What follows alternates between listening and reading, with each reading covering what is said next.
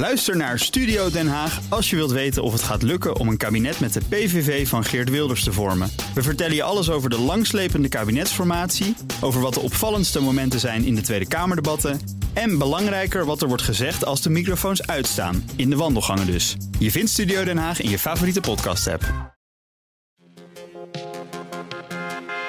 Dat maakt de, de roep om een identiteit en dat maakt de roep om buitenstaanders de schuld te geven, maakt het een stuk sterker. En in het geval van een staat als China collectieve herinnering heeft aan vernedering in de 19e eeuw en de 20e eeuw, dan is dat een potentieel gevaarlijke combinatie.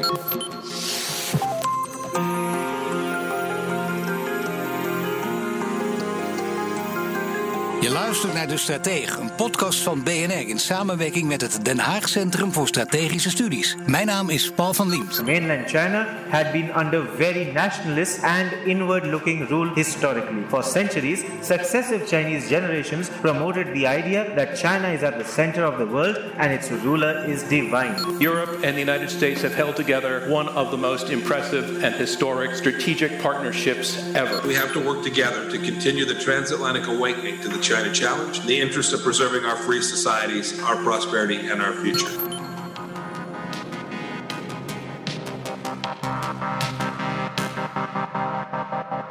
China krijgt steeds meer zelfvertrouwen en rolt in toenemende mate met de spierballen. Het nationalisme binnen het land neemt toe. Xi Jinping is much more of a nationalist than I've seen any of his predecessors as being. He's more ideological. The influence of the party now in relation to normal commercial activity, it's bigger now than it's been in decades. Dat zorgt ervoor dat Amerika en Europa al lang niet meer de twee grootmachten zijn waar iedereen als eerste rekening mee houdt. Het heeft ook gevolgen voor onze transatlantische relatie met de Amerikanen. En China heeft er alle belang bij om ons nog verder uit elkaar te spelen. Moeten we dat voorkomen of moeten we het misschien gewoon accepteren en helemaal onze eigen Europese koers gaan varen? Dat ga je horen in deze aflevering van De Stratege van mijn gasten Sense Hofstede. Ik doe promotieonderzoek aan de Nationale Universiteit van Singapore naar de rol van het Chinese nationalisme in de internationale betrekkingen. En Paul van Hoofd. Senior Strategic Analyst bij het Haagse Centrum voor Strategische Studies.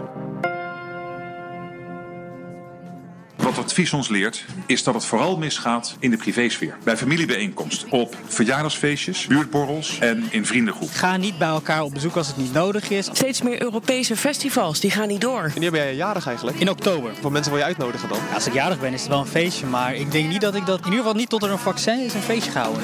Onze handhavers betreden bijvoorbeeld een café en daar wordt gedanst, op tafel gestaan en niemand doet er iets aan. Dan kan er onmiddellijk gesloten worden. Nou, we hadden niet gedacht dat het uh, zo lang zou duren. Maar ja, een leuk feestje pakken, naar een festival gaan. Wat voor vertier je ook prettig vindt. Het is al een half jaar niet bij je.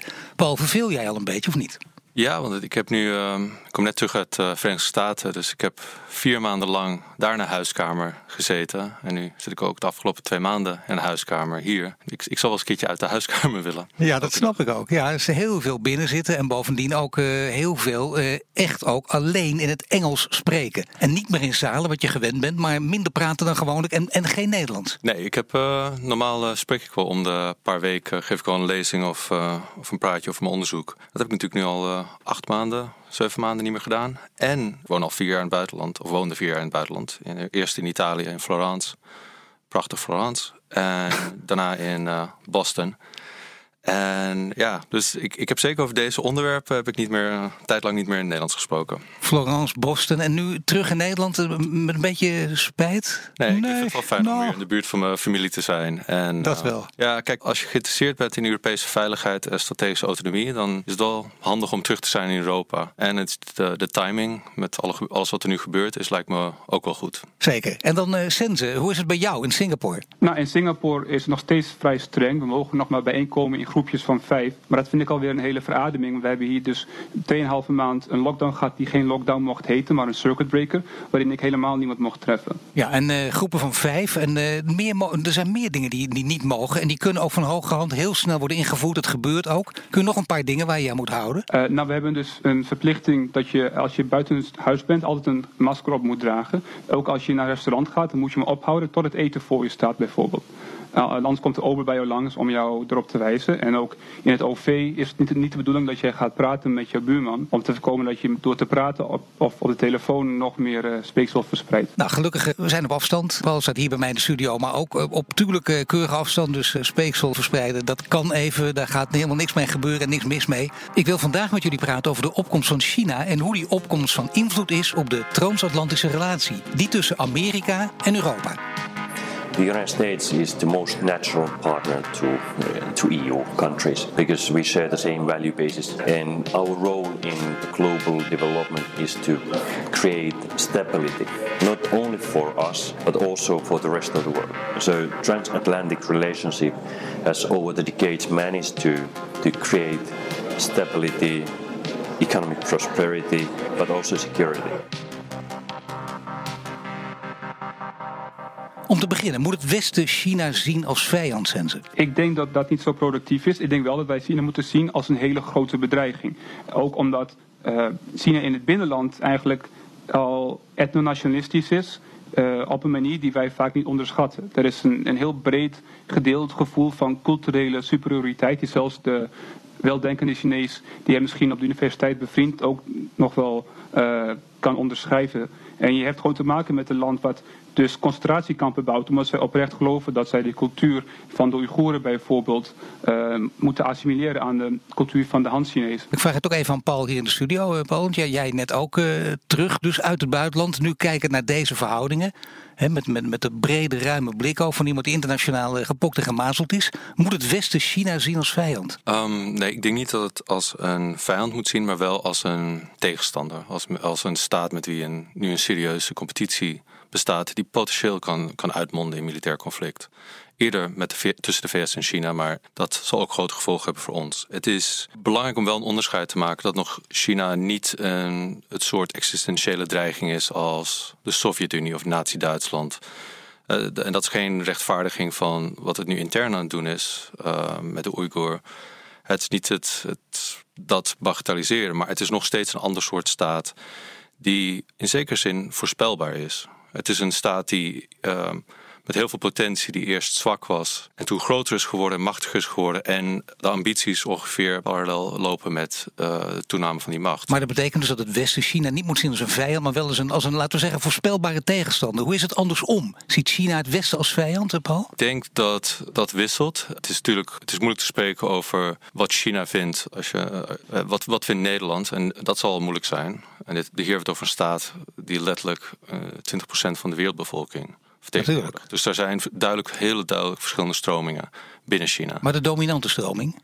De dominante stroming wil dat China behandeld wordt als de nummer twee staat in het internationale systeem. Niet eens als nummer één? Ik denk nog niet als nummer één. Ik denk dat uh, dat idee er niet is. Maar wel de nummer één staat in Azië. En de VS is niet een Aziatische staat. En dat ja, is een belangrijk verschil. Nou, ben benieuwd uh, hoe Sense daar dan tegenaan kijkt. Als, letterlijk op die vraag, wat is jouw antwoord? Ziet China het Westen als vijand? Ik denk dat China heel bewust bezig is om het Westen op te splitsen. Zij zien vooral Amerika als vijand, maar dat is de wereldmacht. En dat is dus uh, het risico. Want, want die kan bang zijn dat China hun van de troon gaat stoten. En zij willen dus zijn heel erg hard bezig om bijvoorbeeld om Europa aan hun kant te krijgen. Of in ieder geval te zorgen dat Europa niet te veel met Amerika meegaat. Wij zijn niet de vijand, maar Amerika is de vijand. Amerika is dat, ook heel erg in het ja, onderwijs. Ja, die, die is echt de vijand. En je zegt dat zie je vooral in het onderwijs. Hoe merk je dat dan? Nou, je hebt dus al heel erg lang dat vanaf de jaren 90 het zogenaamde patriotische onderwijs, wat ze zijn begonnen te promoten, niet alleen in de scholen, maar ook dat gaat ook dan in de films en in de propaganda op de muren, op de tv. En daarin is een heel duidelijk verhaal van vernedering door het Westen, door Japan. En de noodzaak om, om gedaan te maken wat er ooit kapot is gemaakt, namelijk China's dominante positie in Azië. En de rol van de westerse hegemon wordt nu belichaamd door Amerika. Dus dat mensen zijn in feite getraind om bang te zijn voor gemene westerse hegemonen die hun klein willen houden. Terwijl China namelijk groot hoort te zijn. Die merk je dus van alles van, ook als, uh, laten we zeggen, de gemiddelde achterloze burger hè, in het dagelijks leven. Dus het macroverhaal, je maakt het al wat kleiner, maar merk je gewoon letterlijk op straat er wat van? In China zelf, ik hoor wel van mensen die daar werken, dat ze, dat ze zich minder welkom voelen in China als buitenlander. En dat betekent ook, het is misschien wel iets om je, om je behoorlijk druk over te maken. Want uh, niet welkom voelen, dat betekent dat je, dat je bijvoorbeeld minder goed geholpen wordt, de, dat ze je ontwijken. Dat was dus inderdaad wel het geval op, op een van de hoogtepunten van de pandemie in China, dat ze toen ook blanke mensen begonnen te zien als de bron van een virus. Omdat het Westen zou het niet goed hebben opgelost, China wel. Dus dan zijn die blanke mensen gevaarlijk als potentiële drager van het virus. Ja, en zou je kunnen zeggen hoe zich dat uit? Want dat gaat natuurlijk behoorlijk ver. Als je dat vindt, dan ben je echt een, een, een keiharde vijand, mag je wel zeggen. Hoe ging dat dan? Wat merkte je daar dan van als je daar kwam? Ten eerste in zo'n geval, de, de, mensen die blanke mensen als gevaarlijk zien, zien dat misschien niet per se als, als vijand, maar gewoon als natuurlijk. Want is er een verschil tussen Chinese mensen die schoner zijn en beter voor hun familie zorgen dan blanke mensen die die cultuur niet hebben. Maar je hebt ook dus inderdaad dat mensen bijvoorbeeld in, in Shanghai toegang werd geweigerd tot bepaalde winkels. Of toegang werd geweigerd tot uh, bepaalde etablissementen omdat ze bang waren voor buitenlanders. Ik hoor ook verhalen uh, op Twitter van mensen die was een gemengd gezin met een blanke vader en een Chinese moeder. En die, moest, die vader moest buiten eten, de, rest mocht wel naar binnen. Zo, dat is een, uh, een behoorlijk stevig verhaal over xenofobie en racisme gesproken. Gaat een beetje die kant op of niet? Dat zit eigenlijk al heel lang vrij diep in het Chinees nationalisme, maar dat is nooit echt uh, onderzocht zoals wij het onderzoeken in Europa ons, over ons problematisch verleden. Chinezen hebben zichzelf altijd als slachtoffer gezien. Zij zijn slachtoffer van imperialisme en kolonialisme. Dus daarom kunnen zij nooit verantwoordelijk zijn geweest voor zulke dingen. Dat zijn namelijk dingen die westerse mensen doen. Nou, je merkt dus, hè, als, als ik jullie goed beluister, in de dagelijkse praktijk merk je er behoorlijk wat van op een stevige manier zelfs. Maar om te zeggen dat China en het Westen elkaar als vijand zien, dat gaat net even te ver. Nu gaan we praten over, over de transatlantische relaties, even in, grote zinnen. Want hoe beïnvloedt uh, de opkomst van China de transatlantische relaties? Dus uh, Europa versus Amerika. Is China, Paul, bijvoorbeeld Europa tegen Amerika aan het uitspelen? Dat heeft het zeker geprobeerd te doen. Maar ik, weet niet of dat, ik denk niet dat dat het belangrijkste onderdeel is van hoe China invloed heeft op de transatlantische relatie. Wat ik denk dat belangrijker is, is dat uh, in, in, onze Europese manier van, van naar de wereld kijken. Wij zijn gewend om de, de spelers te zijn en dat Europa het speelveld is. Nou, de, de centrale spelers zijn we al niet meer sinds 1945. En het centrale speelveld zijn we niet meer sinds het einde van de Koude Oorlog en de tien jaar die daarop volgden. Dus de VS is duidelijk, dat merk je op alle mogelijke manieren. Met, uh, ik heb daar heel veel interviews gedaan, ik heb daar, ben daar veel uh, academische bijeenkomsten geweest. Het is China van begin tot einde. Dat is duidelijk nummer één. Op alle manieren van focus. Of het dan gaat om uh, technologische ontwikkeling, economie en vooral om de, om de militaire aspect van de competitie. De aandacht ligt compleet op China. En Europa, als al op een tweede plaats ligt, waar ik soms aan twijfel, dan is het al een, tweede plaats met een enorme afstand. En mentaal, mentaal zijn Europeanen daar, die hebben zich nog niet aangepast aan die wereld. Want ze zijn altijd belangrijk geweest. Ze zijn altijd belangrijk geweest, ook tijdens de Koude Oorlog, waar we niet zoveel controle hadden over de gebeurtenissen, wisten in ieder geval dat de, de supermachten ons probeerden te paaien. Dat is nu in veel minder mate het geval. En is dat alleen maar strategie? Uh, dat wil zeggen, uh, proberen ze het op deze manier te spelen, maar weten ze dat Europa nog heel belangrijk is en proberen ze op een mentale achterstand te brengen? Of speelt Europa ook steeds minder belangrijke rol voor China? Dat is moeilijker, dat, dat vind ik moeilijker inschatten. Um, ik denk dat het, wat, wat voor ons vooral belangrijk is, is dat we voor de Verenigde Staten, onze belangrijkste bondgenoot, de, de, de, staat die, hoe, hoeveel kritiek we ook hebben gehad op Amerikaans buitenlands beleid met verschillende presidenten en verschillende jaren, wel de belangrijkste bondgenoot was met, met samen met wie Europa, hoe je het ook definieert, eerst als West-Europa en toen nu inclusief Centraal- en Oost-Europa, samen een wereldorde hebben opgebouwd. Waar ook kwalijke kanten aan zaten. Maar die wereldorde hebben ze wel opgebouwd. En als de VS weinig in ons geïnteresseerd is en weinig bereid is water bij de wijn te doen voor, voor Europese belangen, dan is het moeilijk dat te zien hoe dit over lange termijn kan blijven bestaan.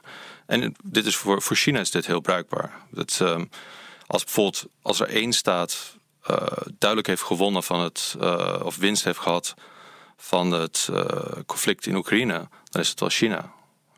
Het, het zorgt ervoor dat de Amerikaanse aandacht terug werd getrokken gedeeltelijk naar Europa. In, in tegenstelling tot, uh, tot de competitie, tot de focus op, op het bondgenootschap opbouwen in Azië. Of militair middelen op, compleet kunnen richten op wat er in de Western Pacific gebeurt.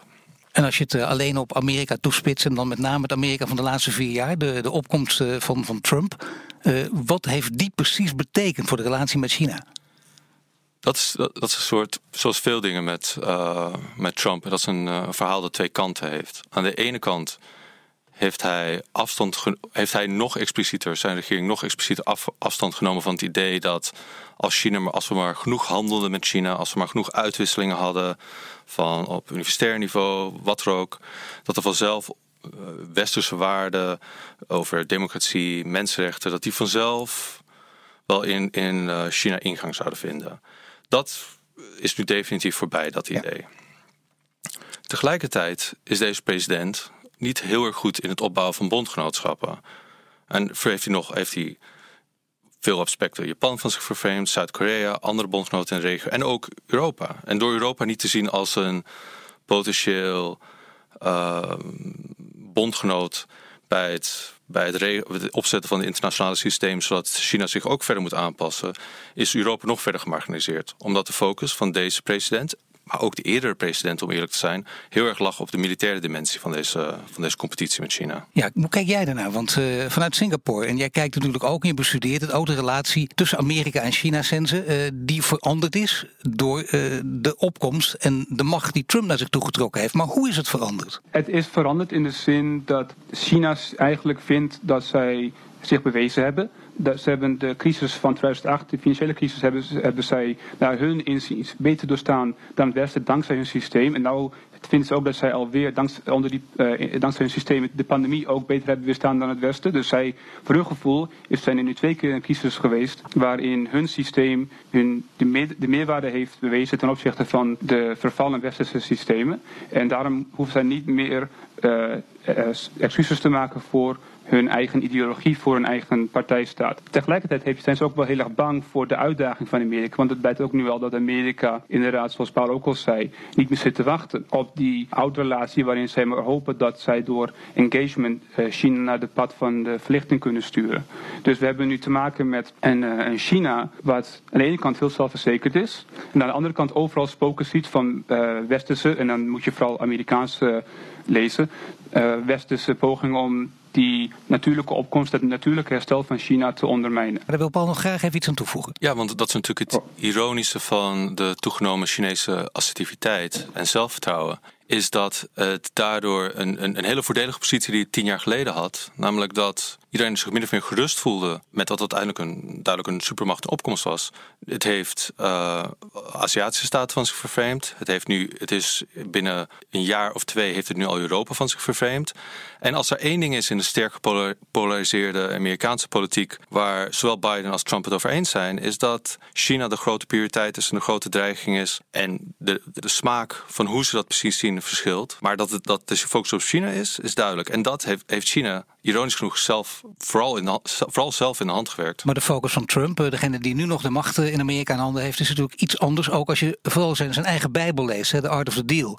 Waarin hij uh, ja, heel goed beschrijft hoe hij met Japanners omgaat. Dus ook hoe hij met China omgaat. En als je dat boek leest, dan denk je, ja, dat, ook dat ziet hij vaak keihard als, als een keiharde deal pushen, pushen, getting forward, zoals hij dat steeds noemt dat geeft ook een, een andere verhouding tot de Chinezen uh, te zien.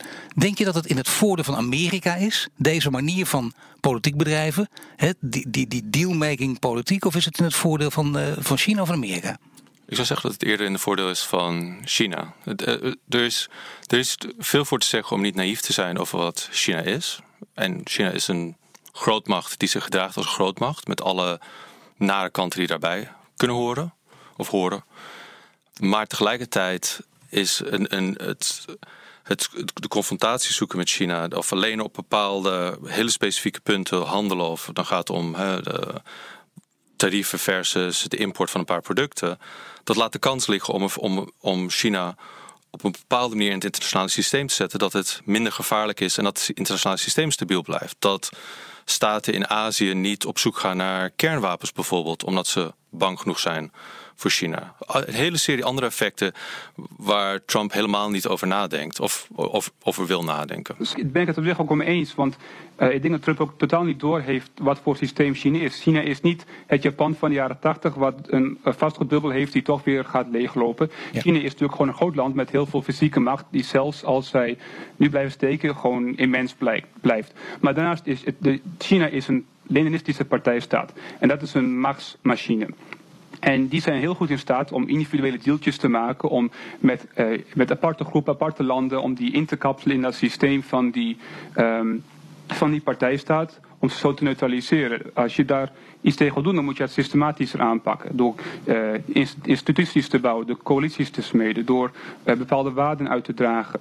En uh, alleen op die manier kun je zo'n machtsmachine, die juist heel erg gemaakt is op die ad hoc deeltjes. Eerst de nationalisten, dan de, de Russen, al die, al die verschillende allianties steeds te smeden voor uh, tijdelijk gebruik, die is, uh, die is daarvoor gemaakt, zeg maar. Zo'n partijstaat is gemaakt voor tijdelijke allianties. Als je, kijkt, naar, als je kijkt naar de, de andere relatie, de, namelijk de transatlantische relatie met China, Amerika en Europa. Uh, er is enige verwijdering, heeft, hebben jullie ook geconstateerd, daar heeft dat plaatsgevonden, dat weten we. Zeker de mensen die dit verhaal natuurlijk heel goed volgen. Maar is dat nu uiteindelijk, zou je kunnen zeggen, winst of verlies voor China, Paul? Wat denk je? Op dit moment is het winst. Um, des, te, des te minder Europa en de VS samen proberen de regels van het internationale spel, of nou gaat om intellectuele eigendom, eigendomsrechten, op het toepassen van bepaalde technologieën zoals 5G, die potentieel nog ongelooflijke afhankelijkheid van China uh, inhouden. Als de VS en Europa niet samen de regels van het spel mee bepalen, wel, dat, dat is alleen maar in het voordeel van China. Maar als China dat weet en China daar baat bij heeft, hoe kan China dat dan ook nog beïnvloeden of, of manipuleren? Gewoon alles steeds verdeel en heers. Alles steeds op individuele Europese landen te spelen. En dan vooral op de Europese landen die grote belangen hebben in China. Of überhaupt grote afhankelijkheden hebben. Dus bijvoorbeeld Duitsland heeft grote belangen in China. Economische belangen, vooral de auto-exportindustrie. Duitse, Duitsland uh, handelt relatief veel meer met, met China, of in absolute zin veel meer met China dan andere uh, Europese landen. En dan zijn er vooral nu de, door, de, door de twee crisissen die nu elkaar gaan opvolgen, in Zuid-Europa en Oost-Europa, zijn natuurlijk staten die ja, verlegen zitten om investeringen. En, die, en dat, is moeilijk, dat is moeilijk om, daar, daar, om hun dat kwalijk te nemen. Right? Dat is, een, dat is een fout die ik kan zeggen die West-Europa maakt. Door niet, uh, niet na te denken over de gevolgen van het onderinvesteren in Zuid-Europa. Van, van hun, van hun uh, onder, onderontwikkelde infrastructuur door het gebrek aan investeringen. Nee, natuurlijk. Je zou kunnen zeggen dat zijn de harde wetten van geopolitiek. Zo gaat het dan. Daar mag China gebruik van maken. Dat doen ze ook. Zie jij dat ook, Sense? Dat, uh, dat China bezig is met een verdeel- en heerspolitiek? Wat heel erg opvallend is in de Chinese staatspers de afgelopen week... is dat zij juist vrij positief doen over de kansen van de ontwikkeling van de, van de relatie met Europa. We zien, wij in Europa zijn helemaal aan het omgaan. Zeg maar. Je ziet dat mensen na die laatste reis van Wang Yi aan, Nederland, Europa, aan Nederland ook. En die top met Merkel en Xi Jinping en von der Leyen. Zie je dat wij juist negatief zijn. We denken, oh, Europa wordt nu ook wakker en is bewust, is bewust van die gevaren uh, van een Chinese opkomst. Maar in de Chinese pers zie je juist heel vaak dat ze zeggen, oh, uh, de gemeenschappelijke punten met Europa zijn sterker dan de punten waar we niet mee eens zijn. En zolang Europa maar niet Amerika volgt, dan komt het allemaal wel goed. Want uiteindelijk hebben we allemaal meer baat bij een win-win oplossing. En het heeft ook deels te maken met het feit dat zij graag Amerika willen afbeelden als zogenaamd geïsoleerd land. Dus alles wat overal nu in de schoenen van Amerika geschoven. Australië is een lakij van Amerika. Europa moet zich geen lakij van Amerika laten worden. Taiwan is de pion van Amerika. Iedereen overal, zelfs India, zelfs India, is nu zogenaamd volgens dat soort theorieën uh, op last van Amerika onder stoken in de Himalayas. Wordt heel erg duidelijk geprobeerd om Amerika als boosdoener, als alleenstaander te identificeren. Nou, dus laten we zeggen, als we dat even in het kort uh, bekijken, hè, als je kijkt naar die transatlantische relaties, uh, voor China is het heel gunstig dat Europa en uh, Amerika een minder goede verhouding tot elkaar hebben. En ze maken daar, nou, laten we zeggen, in zekere verdeel- en heerszin ook behoorlijk gebruik van. En nou ja, met, met name Paul, jij zegt het eigenlijk ook, hè, dat hoort bij die geopolitieke wetten. Dat is ook logisch dat ze dat doen, zijn ze? Nou, dat proberen ze dan wel. Uh, dat, is, dat is ook het punt van ze, die pers die, beschrijft al, die doet al alsof Europa uh, nog zoveel kansen in China ziet. Maar ik vraag me ook af of zij wel doorhebben hoe negatief wij in Europa inmiddels al naar China kijken. Hoe fundamenteel dat waardeverschil is. Mag ik even een paar aspecten van die transatlantische relatie uh, en de relatie met China er op dit moment even uitpikken? Want welke zijn de belangrijkste? Jullie hebben er al een paar besproken. Maar als je de keus maakt, hè, waar ligt echt de nadruk? Wat is echt letterlijk het belangrijkst? Het economische deel, het militaire deel of speelt er nog iets anders, een ander domein? Paul? Nou, ik denk dat het moeilijk is om die twee om al die aspecten van elkaar te onderscheiden. Want ze, ze hebben allemaal spelen ze een andere rol. Tuurlijk. Meer zeggen dat onze nauwste verbindenis in het dagelijks leven is die economische verwikkeling. En in de grotere zin wellicht nog steeds, hoewel er nu soort aan alle kanten aan getoorn wordt in Europa en de VS, ook ons, ons gedeelde waarden. Maar die, die, we hebben nog altijd meer met elkaar gemeen dan we met het grootste deel van de rest van de wereld gemeen hebben. Maar die militaire dimensie, die is, daar is echt behoefte aan, aan vernieuwing. En dat zou bijvoorbeeld kunnen zijn doordat Europa zichzelf meer zou richten op de afschrikking van Rusland. Daardoor een, een grotere bijdrage geleverd aan de NAVO. Als dat het de VS meer bewegingsruimte heeft om in de Indische Oceaan en de Stille Oceaan te opereren. Dus dat zou dat, dat, en dat is niet de manier waarop we tot nu toe over na hebben gedacht. We hebben, we hebben heel erg een, zeg, gedemilitariseerd na het einde van de Koude Oorlog. Maar dat heeft ook onze afhankelijkheid van de VS verdiept. En die afhankelijkheid van de VS, op het moment dat de VS met al haar aandacht en, en, en een groot consensus binnen de VS, in ieder geval op dit punt, richting Azië gaat en richting China gaat, is dat die afhankelijkheid een echt probleem. Het is inderdaad, eh, het hangt met elkaar samen, dat is duidelijk. Maar toch, als je moet kiezen tussen domeinen, welke het belangrijkste is, wat denk jij dan? Waar kies je dan voor? Het economische, het militair of kies je voor een ander domein? Ik denk dat voor Europa het economische domein nog het belangrijkste is. Alleen ik denk wel dat de realisatie steeds sterker wordt dat je het niet in isolatie kunt zien. Dat hebben ze in Duitsland heel lang geprobeerd. Maar je komt nu ook achter dat alle, alles wat die Duitse bedrijven konden, dat kunnen die Chinese concurrenten tegenwoordig ook. Dus die hebben ook straks niet, niet zo heel veel meer te verdienen in China. Dus het is ook maar tijd om dat economische wat achter je te laten en je te richten op de politieke elementen daarvan. Want in China is het niet gescheiden. In China is, de, is het verschil tussen partij en staat en bedrijf veel vager. Tuurlijk. Maar als we kijken naar onze strategie, wat zou de beste strategie zijn met onze, bedoel ik dan Nederland en de EU? De beste strategie op dit moment, als je het hele speelveld overziet, uh, zou je kunnen zeggen dat bijvoorbeeld Europa zich sterker mag wanen dan ze denken. Want als je kijkt naar Trump, misschien ook wel naar China, wij weten dat Europa, de EU met name, behoorlijk verdeeld is. Maar zij kijken vaak, zeker vanuit het oogpunt van handelsbetrekkingen, toch naar Europa als één grote, sterke speler. Onderschatten wij daarmee onszelf een beetje, of niet? Ja, we doen, we doen eigenlijk allebei. We, overschatten onszelf en we onderschatten onszelf. Dus we onderschatten eh, de potentie van Europa. Wat, wat, wat betekent het? de tweede economie van de wereld als je het als geheel zou zien. Derde, het is altijd, het is altijd hoe je het precies berekent en ja. gelijk met VS en China. Dus daar in zekere zin onderschatten we dat. We onderschatten ons de politieke, potentiële politieke invloed die we hebben. En de, de, de echte invloed die we hebben is, is minder dan, dan, dan we nodig hebben. Maar we zouden veel meer gedaan kunnen krijgen. En zeker als we een bepaalde militaire afhankelijkheid van de VS uh, zouden kunnen verminderen, sterk zouden kunnen verminderen. En technologische afhankelijkheid ook van andere spelers. Dat we veel meer onze eigen standaarden zetten. Uh, sterk investeren in ons eigen onderzoek. Uh, mag ik even een voorbeeldje geven? Bijvoorbeeld uh, denken, weet je wat, Trump die roept steeds dat wij meer aan die NAVO moeten betalen. Daar heeft hij nu vanuit deze positie nog gelijk in ook. Want dat moet ook meer. Maar je kunt ook zeggen, nou we hebben je niet nodig. We gaan een, een eigen NAVO creëren. Ja, maar dat, dat, zou, dat zou nog steeds betekenen dat we meer zouden uitgeven. Dan is het alleen ja. dat die middelen minder beschikbaar zijn voor de NAVO en meer voor een Europese oplossing. Maar voorlopig is nog steeds de NAVO als, als bondgenootschap, ook als de VS er minder bij betrokken is, is het nog steeds een, een goede manier om dingen te organiseren. Alleen het zou beter zijn als veel van de van de belangrijke platforms, van de, van de belangrijke infrastructuur ervan, steeds meer Europees werd. Zodat we ook veel meer in, zouden investeren in onze eigen wapensystemen. En in ieder geval de mogelijkheid hebben om al die dingen zelf te doen. Want uiteindelijk, um, dat de, de grote afhankelijkheid die we nu hebben van de VS, hangt vooral af van onze afhankelijkheid van de VS voor afschrikking van, van Rusland. En Rusland is uiteindelijk een staat met een bruto nationaal product van Italië of de Benelux. Dat is, dat is niet volgend jaar is dat niet, zijn we daar niet klaar voor. Maar vijf jaar, tien jaar, zou dat op zich relatief makkelijk kunnen zijn. Nee, Rusland geen grote speler, China natuurlijk wel. En hoe moeten we ons verhouden ten opzichte van China? Daar gaat het nu over. En dan zou het bijvoorbeeld kunnen zijn dat, we, dat de EU-top, want dat zijn de verhalen die je natuurlijk wel een beetje achter de schermen hoort, de EU-top zich er wel van bewust is. Dat Europa, althans in de ogen van de, van de buitenwereld, van Amerika, van China, een macht van je welste is. Zou je daar dan toch niet meer gebruik van moeten maken? Dat zou, dat zou zeker gebruik uh, van gemaakt moeten worden. En het is wel, dat valt mij vooral op nu ik na vijf jaar, vier jaar weer terug ben in Nederland. Ja.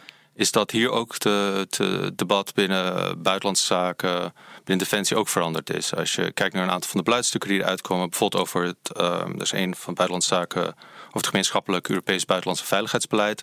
En dat zit al een compleet andere toon in die veel van dezelfde thema's waar ik het nu over heb uh, ook heeft. Dus, dus is, ik denk dat er meer een voedingsbodem voor, voor strategisch nadenken over onze positie in de wereld, ons als in Nederland en Europa, dat er een betere voedingsbodem voor is dan er tien jaar geleden was. Je bent vier jaar weg geweest naar Florence en Bos en dan kijken ze even wat ze hebben allemaal uitgehaald, die jouw afwezigheid. Ja. Hè? Maar is, is, dat, is dat een, nou ja, dit is geen, geen moralistische vraag, maar is het een, een, een verbetering, kun je zeggen? Een, een betere toestand dan toen je wegging?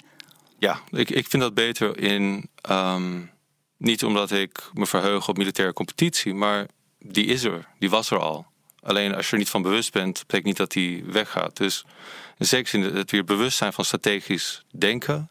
Van het feit dat, dat je nooit alles tegelijkertijd kan krijgen. Maar dat er belangrijke keuzes in zitten en prioriteit. En dat er ook grote gevaar zit als je daar niet in investeert. Dat is in zekere zin een verademing dat dat besef nu langzamerhand aan terugkomen is. Sense, je hoort veel over verschillende China-strategieën die leven. Dit zijn een van de strategieën, één dus een mogelijke strategie, een bestaande zelfs die we besproken hebben. Maar eh, wat zijn volgens jou belangrijke China-strategieën die nu op geld doen? Ik ben het denk ik heel, heel erg eens met Paul dat wij gewoon onze eigen competenties moeten gaan uitbouwen. Want uh, als je wil spelen moet je serieus worden genomen. En ook hier in Singapore heb ik al door dat men soms wel een beetje laatdunkend doet over Europa. Dat nog steeds denkt dat het een groot, grote speler is in de wereld. Terwijl het eigenlijk niet zo interessant meer is. Het is vooral in economie. En politiek is toch een beetje veel met zichzelf bezig. Dus ik denk dat wij ons zullen moeten richten op op het uitbouwen van die um, vaardigheden. Dat wij een fatsoenlijk buitenlandbeleid kunnen maken met z'n in Europa. Dat wij inderdaad op ons, onze eigen benen kunnen staan zonder dat wij van Amerika afhankelijk zijn. Ik bedoel, we dus ook die missie in Libië, waar dus Frankrijk en, Groot-Brittannië zijn gaan bombarderen. Die hadden logistiek van Amerika nodig. Dus zelfs zo'n simpel bombardement kon Europa niet zonder Amerikaanse hulp. Dus is het heel veel capaciteit capaciteits, capaciteitsgebrek nog. En als je serieus worden genomen in Amerika, in Singapore, in, in, in China, dan moet je zorgen dat je iets kunt. Maar en het mooie is, uh, Europa kan ook wat, is zich daar uh, niet helemaal bewust van. De EU-top wel. Eigenlijk wat jullie zeggen, Europa is sterker, is, een grotere macht dan, dan, dan het zelf denkt, maar zal wel grote stappen moeten nemen. En die kun je nemen als je bijvoorbeeld in een crisis als deze zit, met alle nadelen van die, maar de voordelen. Je kunt nu snellere stappen nemen dan anders. Kun je zeggen, in een tijd waarin alles zich in sneltreinvaart ontwikkelt, dat er een, een winnaar aan het opdoemen is op dit internationale terrein, Paul? Dit, is, een van de moeilijkste vragen die er nu is. Um, het is niet. Het is duidelijk dat, dat de VS en Europa allebei zwaar economische klappen hebben geleden. Iedereen, maar VS, Europa, India. Dus veel van wat een coalitie zou kunnen zijn om, um, om met China om te gaan, is verzwakt. En het is niet duidelijk hoezeer China is verzwakt. Kunnen, net zoals met de, eh, de COVID-cijfers, wat kunnen we wel of niet geloven wat de Chinese overheid uitbrengt. Maar er zijn nu ook inderdaad kansen om te zien dat dit een, een, een zeer grote crisis is. En dat we als Europa zeer sterke eh, gedeelde belangen hebben. En in ieder geval voor moeten zorgen dat die niet één voor één afgepikt kunnen worden. Ja, maar toch lastig. Hè? Want je begint over die cijfers. En op economisch gebied weten we het ook nooit. We weten, moeten altijd aan twijfelen bij China. Dat maakt het heel lastig om beleid te maken, toch? In ieder geval ten opzichte van China. Om te weten waar ze staan en hoe je jezelf moet ontwikkelen. Ja, maar een strategie ten opzichte van China hoeft niet alleen direct op China. Het moet onderdeel van een grotere strategie over de hele positie van Nederland en Europa en de wereld. Um, bij het, daarom zijn we ook bij het um, Haagse Centrum voor Strategische Studies zijn we nu ook een programma aan het ontwikkelen over transatlantische betrekkingen. Precies in zo'n tijdperk van een opkomend China. En kijken hoe we daar, wat er kansen zijn voor Europa. En kun je wel iets prijsgeven? Want dat duurt natuurlijk nog eventjes. Je gaat hier echt over buigen. Maar welke kant gaat het op? Nou, we willen daar verschillende aspecten in, in uh, aanbrengen. Eén, en de belangrijkste twee denk ik zijn het zoeken naar mogelijkheden voor samenwerking met de VS, waar we duidelijk wel gedeelde belangen hebben, gedeelde waarden hebben. En die, die gedeelde belangen en waarden zijn soms ook niet op het, per se liggen die in, in, in Washington, maar die kunnen ook op het uh, statelijk niveau zitten. Right? We, we, we, zien de VS ook te veel, net zoals buitenstaanders Europa misschien soms te veel als één geheel zien, zien wij de Verenigde Staten ook te veel als één geheel. Ja. Dat is één onderdeel ervan. En het tweede onderdeel zijn om meer na te denken over Europese conventionele afschrikking. Waardoor je betekent dat je minder afhankelijk bent van de VS. En daardoor ook meer bewegingsruimte hebt. En ook minder onder druk gezet kan worden door andere staten. Nou, Sens, het was uh, de moeilijkste vraag die je kan stellen. Die, uh, Paul heeft hem achter de rug en die heeft zich daar heel aardig uit weten te redden. Maar uh, nu voor jou dus ook. Zien jullie, zie jij een winnaar opdoemen in deze coronacrisis, waar alles dus zich in een sneltreinvaart lijkt te ontwikkelen? Ik, ik vind het heel lastig om, om aan zo'n vuilkoolvraag te wagen. Ook omdat de echte recessie nog moet beginnen. Ja. We hebben, dus, we hebben dus nu die pandemie, die is nog steeds aan de gang trouwens. Daar wordt nog steeds, uh, heel veel mensen worden er nog steeds heel erg ziek van in heel veel landen. Ja. Uh, maar die, die, echte recessie die gaat volgend jaar pas echt losbarsten. En het is lastig te voorspellen ook omdat uh, Europa heeft problemen, Amerika heeft problemen, maar China heeft ook hele structurele problemen die ze nooit, nooit hebben opgelost. We hebben, ze dachten dat zij de crisis van 2008 heel goed hebben opgelost, maar ze hebben dat gedaan met heel veel schulden. En tegenwoordig is het zo dat je heel veel schulden moet maken voor een heel klein een beetje stimulans in China. Dat is eigenlijk al uit, de rek is er al uit. En we zien ook wel in de cijfers uh, deels een soort K-vormig herstel. Dat wil zeggen dat de consumptie van luxe goederen stijgt weer heel snel. Maar de consumptie van de goederen die de, de arbeidersklasse koopt, die is nog steeds heel erg laag. Dus de rijke mensen, de middenklasse in China, daar gaat het wel goed mee. Maar die massa-arbeiders, die migrantenarbeiders, die altijd de fabrieken bevolken, die hebben nog geen werk.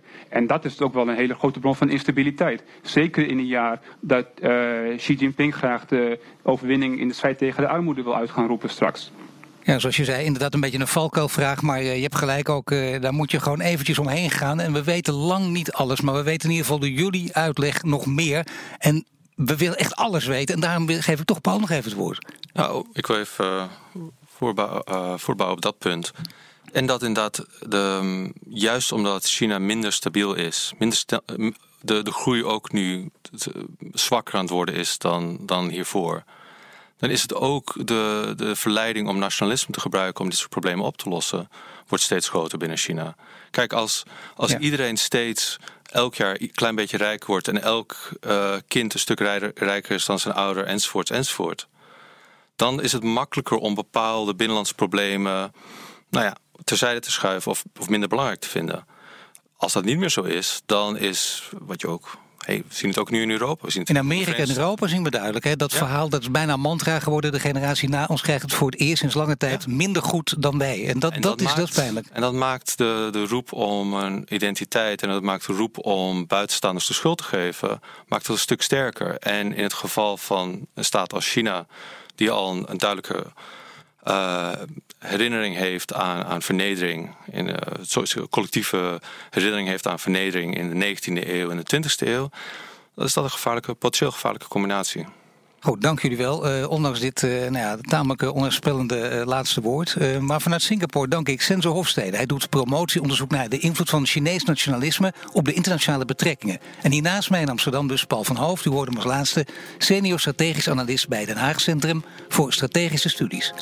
En luister vooral ook naar de andere afleveringen van De Strateeg. Bijvoorbeeld over hoe de coronapandemie de strijd om wereldheerschappij zou kunnen beslissen. Met Rob de Wijk en Martijn van Helvoort. Tot de volgende keer.